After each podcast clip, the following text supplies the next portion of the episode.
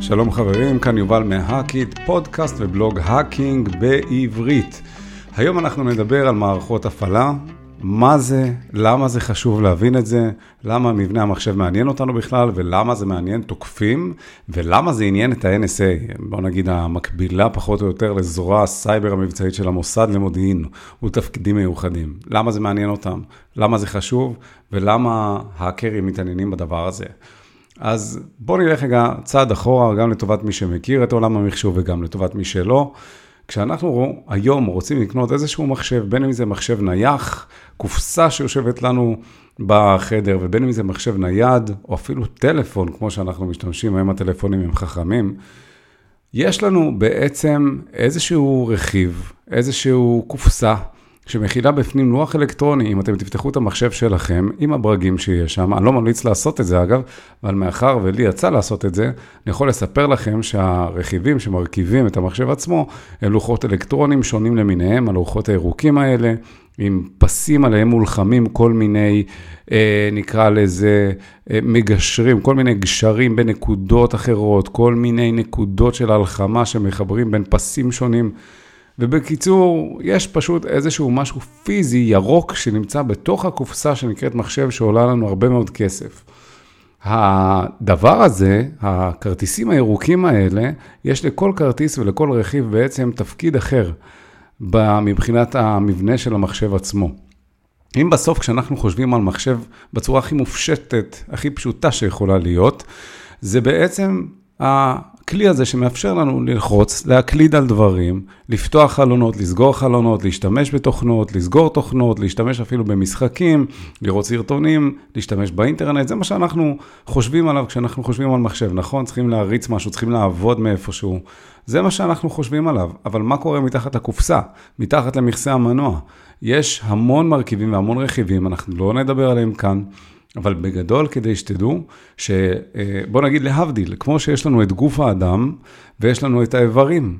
אנחנו רואים את בן האדם שנמצא מולנו, אבל מתחת לאור, לאור בעין של האדם, מסתתרים כל מיני איברים. יש את הלב, יש את הכליות, יש את הכבד, יש את המוח, יש שרירים ויש רקמות ויש ורידים, יש את כל הדברים האלה.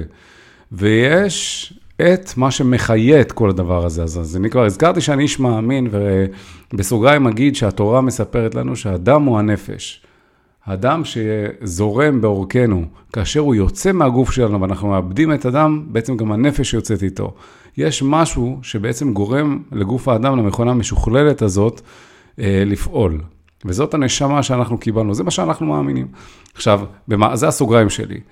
אם אני לוקח את זה לעולם המחשוב, אני אומר, יש לי בסוף את הרכיבים, את כרטיסי הרשת, את הכרטיסים הגרפיים, את אה, כל האקססוריז שנמצאים בתוך הקופסה הזאת, משהו מחיה אותם. החשמל הזה שזורם בהם בעצם נותן להם את היכולת להתחיל להתחמם ולפלוט איזושהי קרינה ולהתחיל לעבוד בצורה הכי פשוטה שיש בעולם. למה זה מעניין אותנו, כל מה שדיברתי עכשיו? בגלל שברגע שאנחנו מבינים שיש לנו רכיבים כלשהם שפועלים, ויש חשמל שגורם להם להתחיל לפעול, אז מה אני עושה עם הדבר הזה? הרי אם אני אלך עכשיו לאיזושהי חנות מחשבים, או שאני אזמין מה, מהאינטרנט איזשהו מחשב, פשוט עם המרכיבים האלה, כלום לא יקרה, נכון? גם אני אחבר אותו לחשמל, ואני אחבר מסך למחשב, ואני אפעיל אותו, אני אקבל כנראה איזשהו מסך שחור. למה? כי אין לי שום מערכת הפעלה שפועלת עליו. מה זה מערכת הפעלה? צריכה להיות לי יכולת להשתמש בתוכנה כלשהי, שיודעת לדבר בין הרכיבים השונים האלה, שהמחשב בנוי מהם, נכון? צריך להיות משהו שמניע את גוף האדם, שיודע לתווך בין, ה, בין האוזניים לעיניים, לרגליים, לידיים, צריך להיות משהו שמקשר בין כל הדבר הזה. מערכת ההפעלה זה בעצם מה שעוזר לנו ברמה הכי מופשטת שאנחנו יכולים לדבר עליה כרגע, אה, בעצם מחברת בין המרכיב, הרכיבים הפיזיים שהמחשב בנוי מהם, לבין התוכנות, השימושים שאנחנו מדמיינים כשאנחנו באמת באמת חושבים על מחשב. בשפה קצת, בוא נגיד אם אנחנו נרצה לצלול לזה קצת יותר, אנחנו לא נעשה את זה עכשיו ברזולוציות יותר מדי גבוהות, אבל אנחנו כן נגיד שיש בסוף הרכיבים האלה, החשמליים שהמחשב בנוי מהם, עובדים על רמות מתח שמשתנה, ויש כל מיני אה, אה, רמות של מתח של בין 0 ל-1, יש מתח, אין מתח, הרבה מתח, קצת מתח, לא ניכנס לכל הדברים האלה, אבל הרכיבים האלה, יש גם מושג של תוכנה על הרכיבים הקטנטנים האלה שנמצאים לנו על כרטיסי המחשב שלנו. עכשיו, אם אני עולה עכשיו קומה מעל הדבר הזה, אני קופץ כבר למעלה, אני לא רוצה שאני אדבר כל כך כל כך למטה. אנחנו נדבר על מערכת הפעלה. תוכנה בעצם שמעודכנת על, ה, על הכונן הקשיח של המחשב שלנו, בז, באזור מסוים בזיכרון של המחשב, המחשב זוכר שיש מערכת הפעלה. אה, ובעצם מערכת ההפעלה הזאת יודעת לתווך בין הגורמים השונים, בין אם יש לנו מקלדת שמחוברת, או בין אם יש לנו מסך, ובין אם יש לנו כרטיס גרפי שבכלל אמור להראות לנו, להציג לנו תמונות. אם יש לנו עכשיו לצורך העניין מוזיקה שאנחנו רוצים לשמוע, יש לנו כרטיס סאונד, כרטיס קול, אם אנחנו רוצים אה, לבצע שימושי תקשורת, יש כרטיס רשת וכן הלאה וכן הלאה וכן הלאה. מערכת ההפעלה זה התוכנה החכמה הזאת שיודעת לנגן על התזמורת של הרכיבים האלה. עכשיו, מה שזה נותן לנו, ההבנה, ההבנה שיש מערכת הפעלה שיודעת לתפעל את כל הדבר הזה, היא מאוד מאוד חשובה. כי אז אנחנו יכולים לשאול שאלות חשובות, כמו איך היא עובדת, ומה זה בכלל, מה זה מערכת הפעלה מעבר לניהול של הדבר הזה, ברמה הטכנית, מה קורה שם. אז אם אנחנו נזכיר ממש ב-high level, שהמחשב בנוי מאיזשהו מעבד, יש רכיב שבעצם מאבד את הפקודות, הוא, התפקיד שלו זה לעשות משהו, הוא עובד, הוא עובד והוא מאבד כל הזמן נתונים. יש אזור מסוים במחשב שהוא הזיכרון. התוכנות שאנחנו משתמשים בהן, בין אם זה אופיס ובין אם זה כל תוכנה אחרת, צריכה להישמר איפשהו. יש פקודות שהמחשב צריך לבצע, הוא צריך לזכור, כמו המוח שלנו, מה עושים, מאיפה עושים.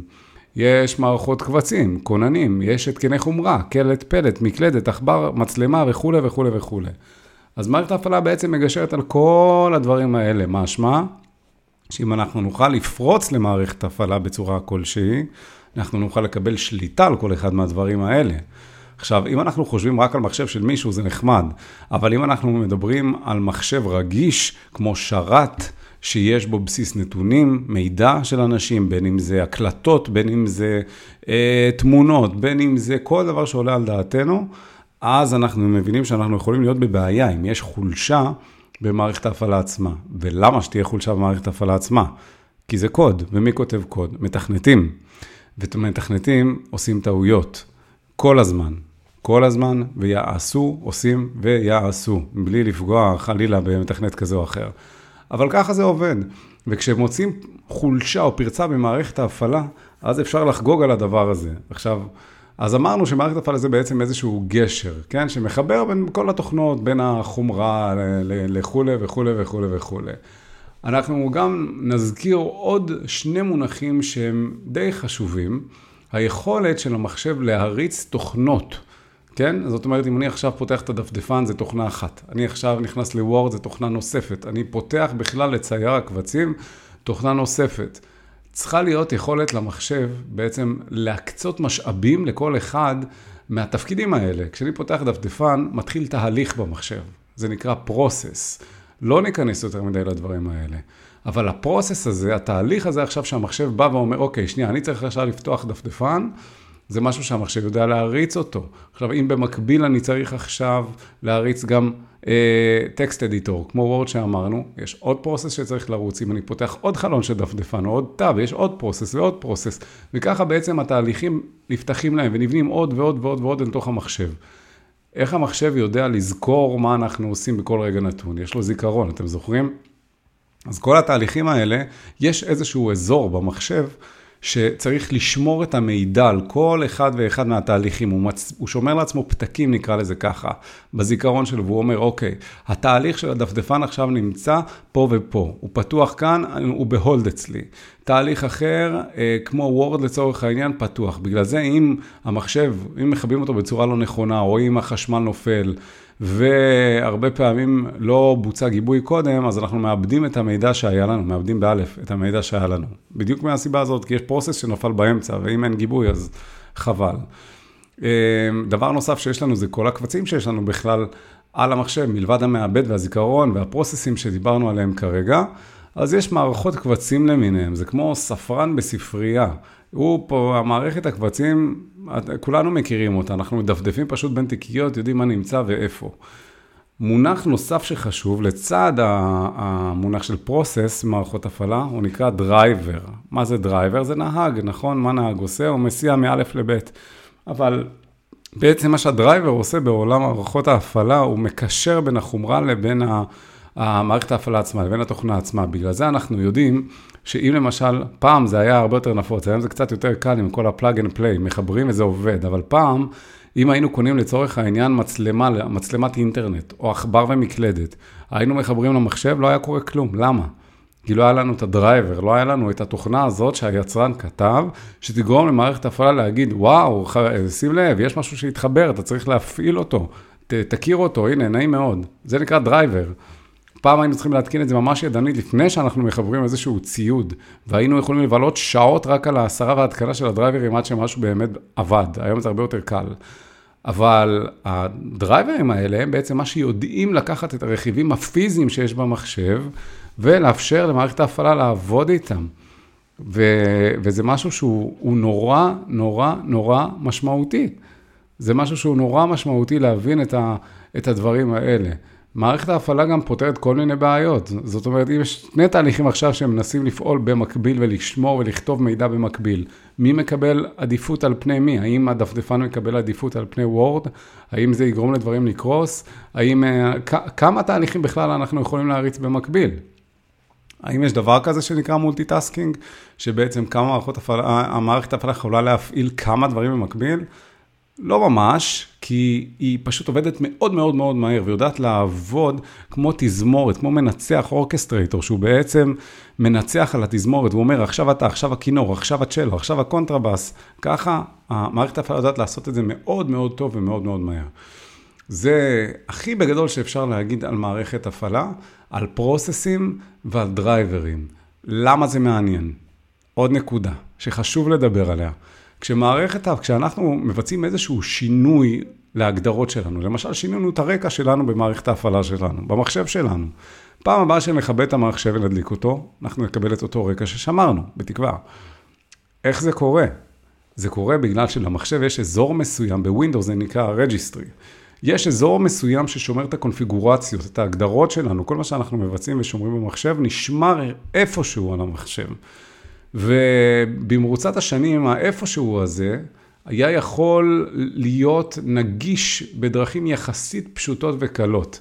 ככה שבעצם מי שהיה יודע לגשת לאיפשהו הזה, ל registry הזה, עם הרשאות מסוימות, היה יכול לגשת למידע, גם למידע רגיש של המערכת עצמה. אז ה registry בעצם, המקום הזה שבו הגדרות נשמרות, זה גם משהו שמאוד חשוב לנו להכיר. כי אם אנחנו מבינים שהמחשב חייב לשמור את ההגדרות על המשתמשים, על מי שמתחבר למערכת איפשהו, סיסמאות בצורה מסוימת איפשהו, אז אנחנו יכולים להתחיל לחשוב, אוקיי, איפה זה נמצא ואיך אני מגיע לזה ומה אני צריך כדי להגיע לזה. אנחנו מתחילים ככה יותר להבין איך המחשב בנוי. וכל הסיבה שבפרק הקודם, אנחנו קודם התחלנו ודיברנו על רשתות תקשורת, זאת אומרת, על איך מחשבים יכולים לדבר, לפנות אחד לשני, זה גם משהו שקשור למערכת ההפעלה, בגלל שלמחשב בסוף יש כניסות ויציאות, לא רק פיזיות, אלא ברמת גם מערכת ההפעלה, ברמת הגדרות התקשורת, כן? של יצרני התקשורת, כרטיסי התקשורת וכולי, הרשת.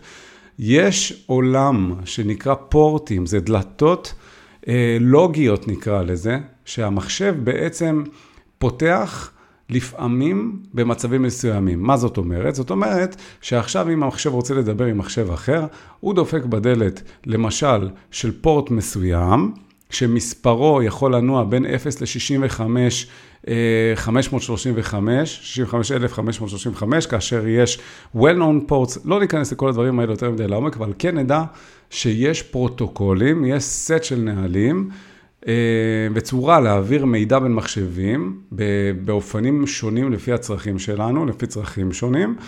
למשל, אם אני רוצה לעבוד עם הדפסות, אז אני יכול לעבוד עם פרוטוקול שנקרא SMB, כן? ואני יכול לעבוד, לפנות למדפסת בפרוטוקול הזה, כשאנחנו נמצאים באותו רשת. הפורט של המדפסת שמאפשר לעבוד בפרוטוקול SMB, והפורט של המחשב שלי שמאפשר לעבוד בפרוטוקול SMB, יאפשר לנו לדבר אחד עם השני. Server Message Block, זה SMB, זה הראשי תיבות של הדבר הזה. עכשיו, אני כן אבוא ואגיד שלצד הדלתות שיש במחשבים והפרוטוקולים והמספרים שזה נשמע קצת מסובך, גם אם לא הבנתם כלום, בסוף אנחנו נחזור על זה ב-high level וגם ככה לא צריך לזכור שום דבר, ואם אתם לא זוכרים תשמעו את זה שוב ושוב ושוב, אבל uh, uh, כרגע מה שחשוב לזכור זה שיש מערכת הפעלה שיש עליה בעצם דרייברים, מערכת ההפעלה בנויה גם מעוד חלק שנקרא קרנל, שזה גם אחד החלקים שבעצם מחבר בין החומרה לבין התוכנה. אנחנו נצלול לזה אולי מאוחר יותר, לא יודע אם בפרק הזה, אבל כן להבין שמערכת ההפעלה, התפקיד שלה זה להיות הגשר הזה, בין החומרה לבין התוכנה.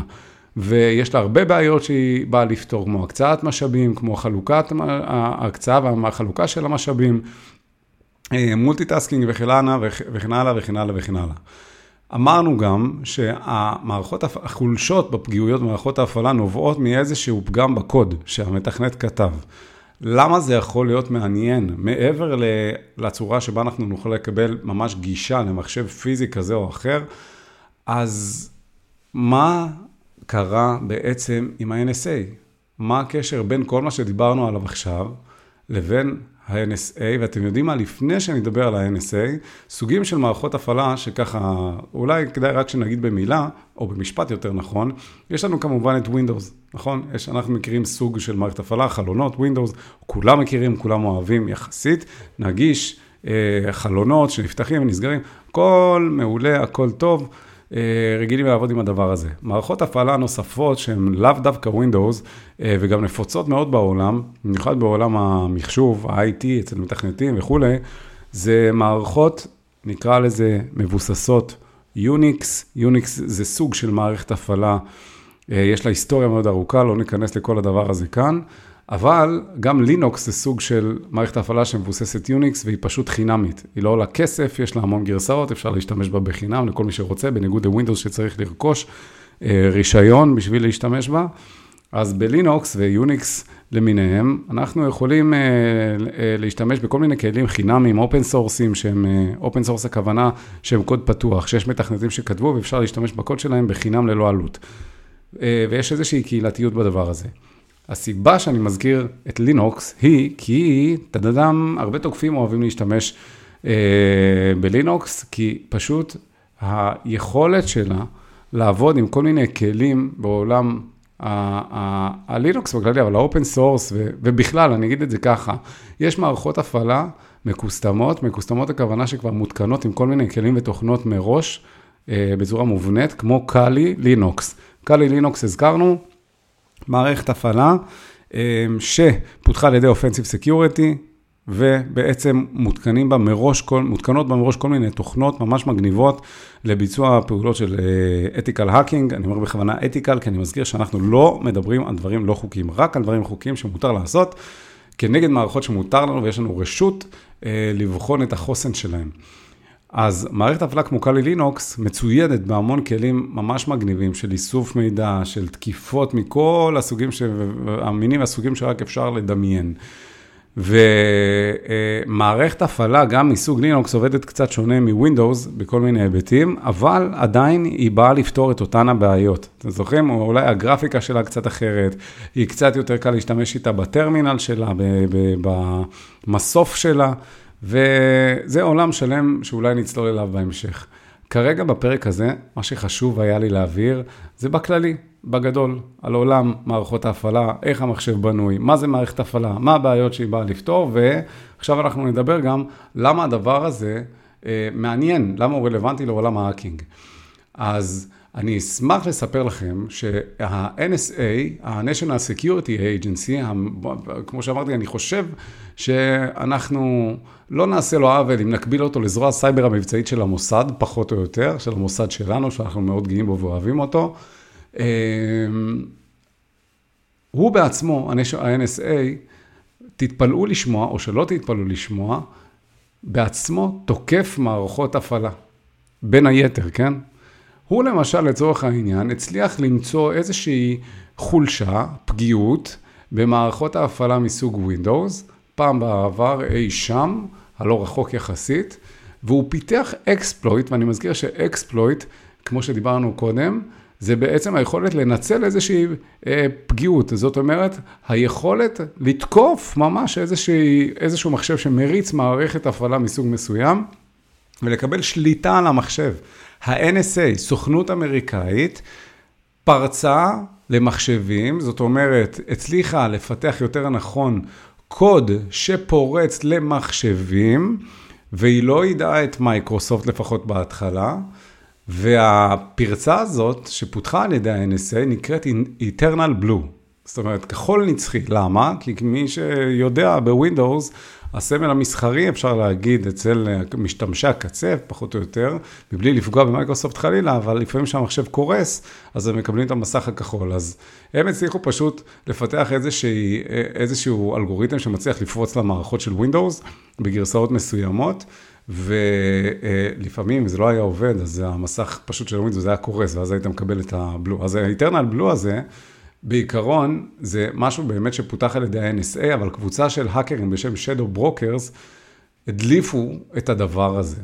וברגע שהפרצה הזאת הודלפה, מייקרוסופט כעבור בערך חודש שחררו פאץ', אבל זה כבר היה מאוחר מדי, וקבוצה של האקרים אחרים כבר השתמשו בחולשה הזאת, שה-NSA בכבודו ובעצמו פיתח כדי לתקוף במתקפת, במתקפת ransomware ארגונים. מי שלא יודע, ransomware זה פשוט אה, מתקפה שבה פורצים לרשת מחשבים או למחשב אחד, מצפינים את כל הקבצים שיש על המחשב ומשאירים את היכולת לשחזר את הקבצים אך ורק אם משלמים סכום של כסף, בדרך כלל עם מטבעות קריפטוגרפיים כמו ביטקוין וכדומה, שהשווי שלהם, הערך שלהם הוא מאוד מאוד גבוה.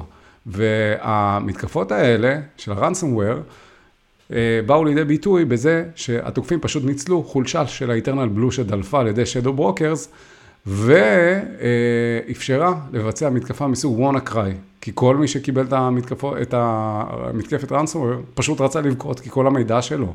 עכשיו, אם זה מחשב של מישהו אחד שזה גם ככה רגיש, ניחא, אבל כשיש לכם רשתות ארגוניות גדולות, שפתאום נועלים לכל המשתמשים שלהם את המחשבים, זה משהו שהוא קריטי לארגון ויכול למוטט ארגון. אז למה זה קשור למערכות ההפעלה? כי ה-NSA מצא פשוט באג במערכת ההפעלה, ככה זה עבד. מה שה-NSA הצליחו לגלות ברוב חוכמתם ותדהמתם, זה שמייקרוסופט מיישמת בעצם את פרוטוקול ה-SMB, ה-Server Message Block, שהזכרנו לא במקרה לפני כן, בצורה מאוד מאוד מסוימת.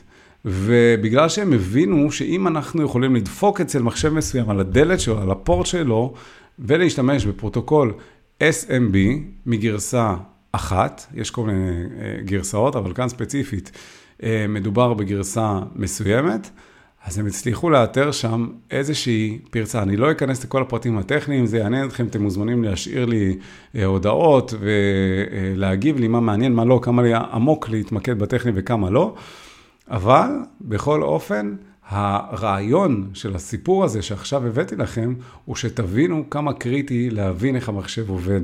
זה לא סתם סיפורים.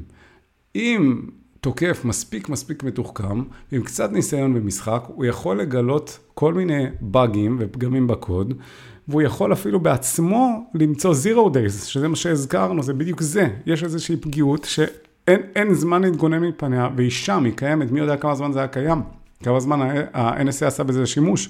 אם זה לא היה דולף, ומייקרוסופט לא היו מוציאים פאץ' לדבר הזה וסוגרים אותו, אז מה, כמה זמן ה-NSA יודע משתמש בזה? עכשיו, אני, אין לי שום דבר להגיד על ה-NSA, לא מכיר אותם, לא יודע מי הם, אני מספר לכם מה שאני שומע וקורא בדיוק אה, כמוכם, אני יודע שה-NSA יכול להקשות בענייני הצפנה למשל, בגלל שאלגוריתמים מסוימים של הצפנה, שזה עוד נושא מאוד מרתק שכדאי שנדבר עליו, אה, אה, הוא מגביל, ה-NSA פשוט יכול להגביל את, את הרמה של ההצפנה כדי שלא יעבדו ברמה יותר מתקדמת ממה שיש לו, כי אחרת הוא לא יוכל לפצח את ההצפנות והוא לא יוכל לדעת מה עובר בתעבורה, ברשת, ואז אם מישהו בעצם שולח כל מיני דברים פליליים או דברים מסוכנים, ש... אז לא רוצים שזה יהיה חלילה מתחת לרדאר מבלי שממשלה תוכל אה, לדאוג ש, שזה לא קורה, כן? תחשבו חלילה על פעולות טרור למיניהם, כאלה. זה תמיד הוויכוח שנע בין החופש זכויות הפרט וחופש הפרטיות של האדם אל מול אה, צרכים, אינטרסים לאומיים וביטחוניים, זו שאלה גדולה. אבל ה-take-away שלנו מהפרק הזה הוא להבין שיש לנו מחשב פיזי, שבשביל שהוא יעבוד צריך משהו, צריך משהו, נקרא לזה רוחני, צריך תוכנה שתפעיל אותו, כמו הגוף שלנו שהוא פיזי וצריך משהו רוחני, הנשמה שמפעילה אותו, כן? אז להבדיל, יש לנו גם את ההיבט הזה. וברגע שאנחנו מבינים שהמחשב בנוי בצורה מסוימת, והמערכת ההפעלה עובדת בצורה מסוימת, והיא צריכה לעבוד עם פרוטוקולים כדי לדבר עם, מחשבים אחרים, ובכלל, מה, מה הבעיה שיש במערכת ההפעלה עצמה, איזה באגים יש במערכת ההפעלה עצמה. אנחנו יכולים, לד... אנחנו יכולים להגיד גם שאם הגנות מסוימות לא ממומשות במערכת ההפעלה, אז יש עוד דברים שאפשר לעשות, אפשר להגיע לסיסמאות, אפשר להעלות את רמת ההרשאות. זאת אומרת, אם אני עכשיו משתמש רגיל, אני יכול להפוך למנהל מערכת, אם יש לי את הטכניקה ואת הידע, להבין שמערכת ההפעלה עובדת גם בעולמות של הרשאות, כדי שלא כל אחד יוכל לבצע כל פעולה שהוא רוצה. יש, יש כמו מנהל שהוא מאשר, ויש משתמש שהוא רק משתמש. אבל אם משתמש הופך למנהל, אז דמיינו לעצמכם מה קורה. זה כמו שפעם ברשתות, פעם, פעם, פעם, ברשתות של בתי ספר, אה, אתם יודעים, היו כל מיני קונסים כאלה שבמעבדת מחשבים תלמידים לא יכולים לגשת אה, לאינטרנט או לכל מיני דברים כאלה ואחרים שהיו מנסים לחסום, ותלמידים קצת יותר חכמים ממה שחשבו שהם, בשנייה הצליחו לעקוף את כל, ה... את כל ההגנות שיש שם. איך הם פשוט, למשל, לצורך העניין, אפילו אם זה ברמה הכי בסיסית, להוציא את הכבל רשת מהחשמל ולחבר אותו לנקודה שליד המורה, שהוא מחובר אה, להגדרות רשת אחרות.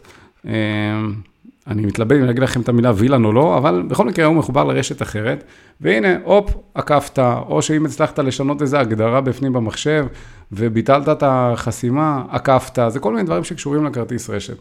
עכשיו, אה, אה, ההבנה שאפשר לשחק את המשחקים האלה במערכת ההפעלה, ההבנה, ההבנה שמערכת ההפעלה יכולה להיות Windows ויכולה להיות Mac ויכולה להיות Linux ויכולה להיות אפילו הטלפון שלנו, שגם עליו יש מערכת הפעלה של מובייל, זה פתח למחקר שאין לו סוף.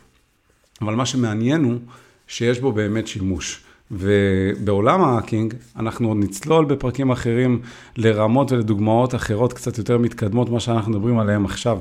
אבל להבין שמערכת ההפעלה ורשתות תקשורת והשילוב של ההבנה בין השניים, זה הבסיס ואבני היסוד לכל התשתית שלנו בעולם ההאקינג, ההבנה של איך הדברים האלה עובדים בצורה לפחות כרגע ברמת על, היא מעולה, ואם יצאנו מהפרק הזה עם הידיעה שה-NSA הצליח לפרוץ למערכת הפעלה ואיזה משמעות יש לזה שאפשר פשוט כן לפרוץ למערכות הפעלה באמצעות הידע אה, באיך מערכת ההפעלה עובדת ומה היא עושה בכלל, מה התפקיד שלה ואיך היא מתקשרת עם מחשבים אחרים, משם כבר הפתח שלנו לצלול לסיפורים יותר מעמיקים ולרדת יותר לפרטים הטכניים של המתקפות האלה או מתקפות אחרות, הוא יהיה לנו הרבה יותר קל. אז גם אם יצאנו מהפרק הזה, רק עם ההבנה הזאת, שיש מערכת ההפעלה והיא מנווטת בין הגורמים השונים, ואנחנו נדבר בעתיד על איזה מניפולציות אפשר לבצע ואיך, כדי לתקוף, אז איך אומרים?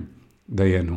מקווה שנהניתם מהפרק הזה, אם עדיין לא עקבתם אחרינו ביוטיוב, תחפשו אותנו, hackit.co.il, ביוטיוב, בטלגרם, באינסטגרם, הערוצים שלנו בצמיחה, אנחנו צריכים אתכם איתנו. תודה רבה שאתם מאזינים, תודה רבה על הפידבקים החמים, ואנחנו נשתמע בפרק הבא.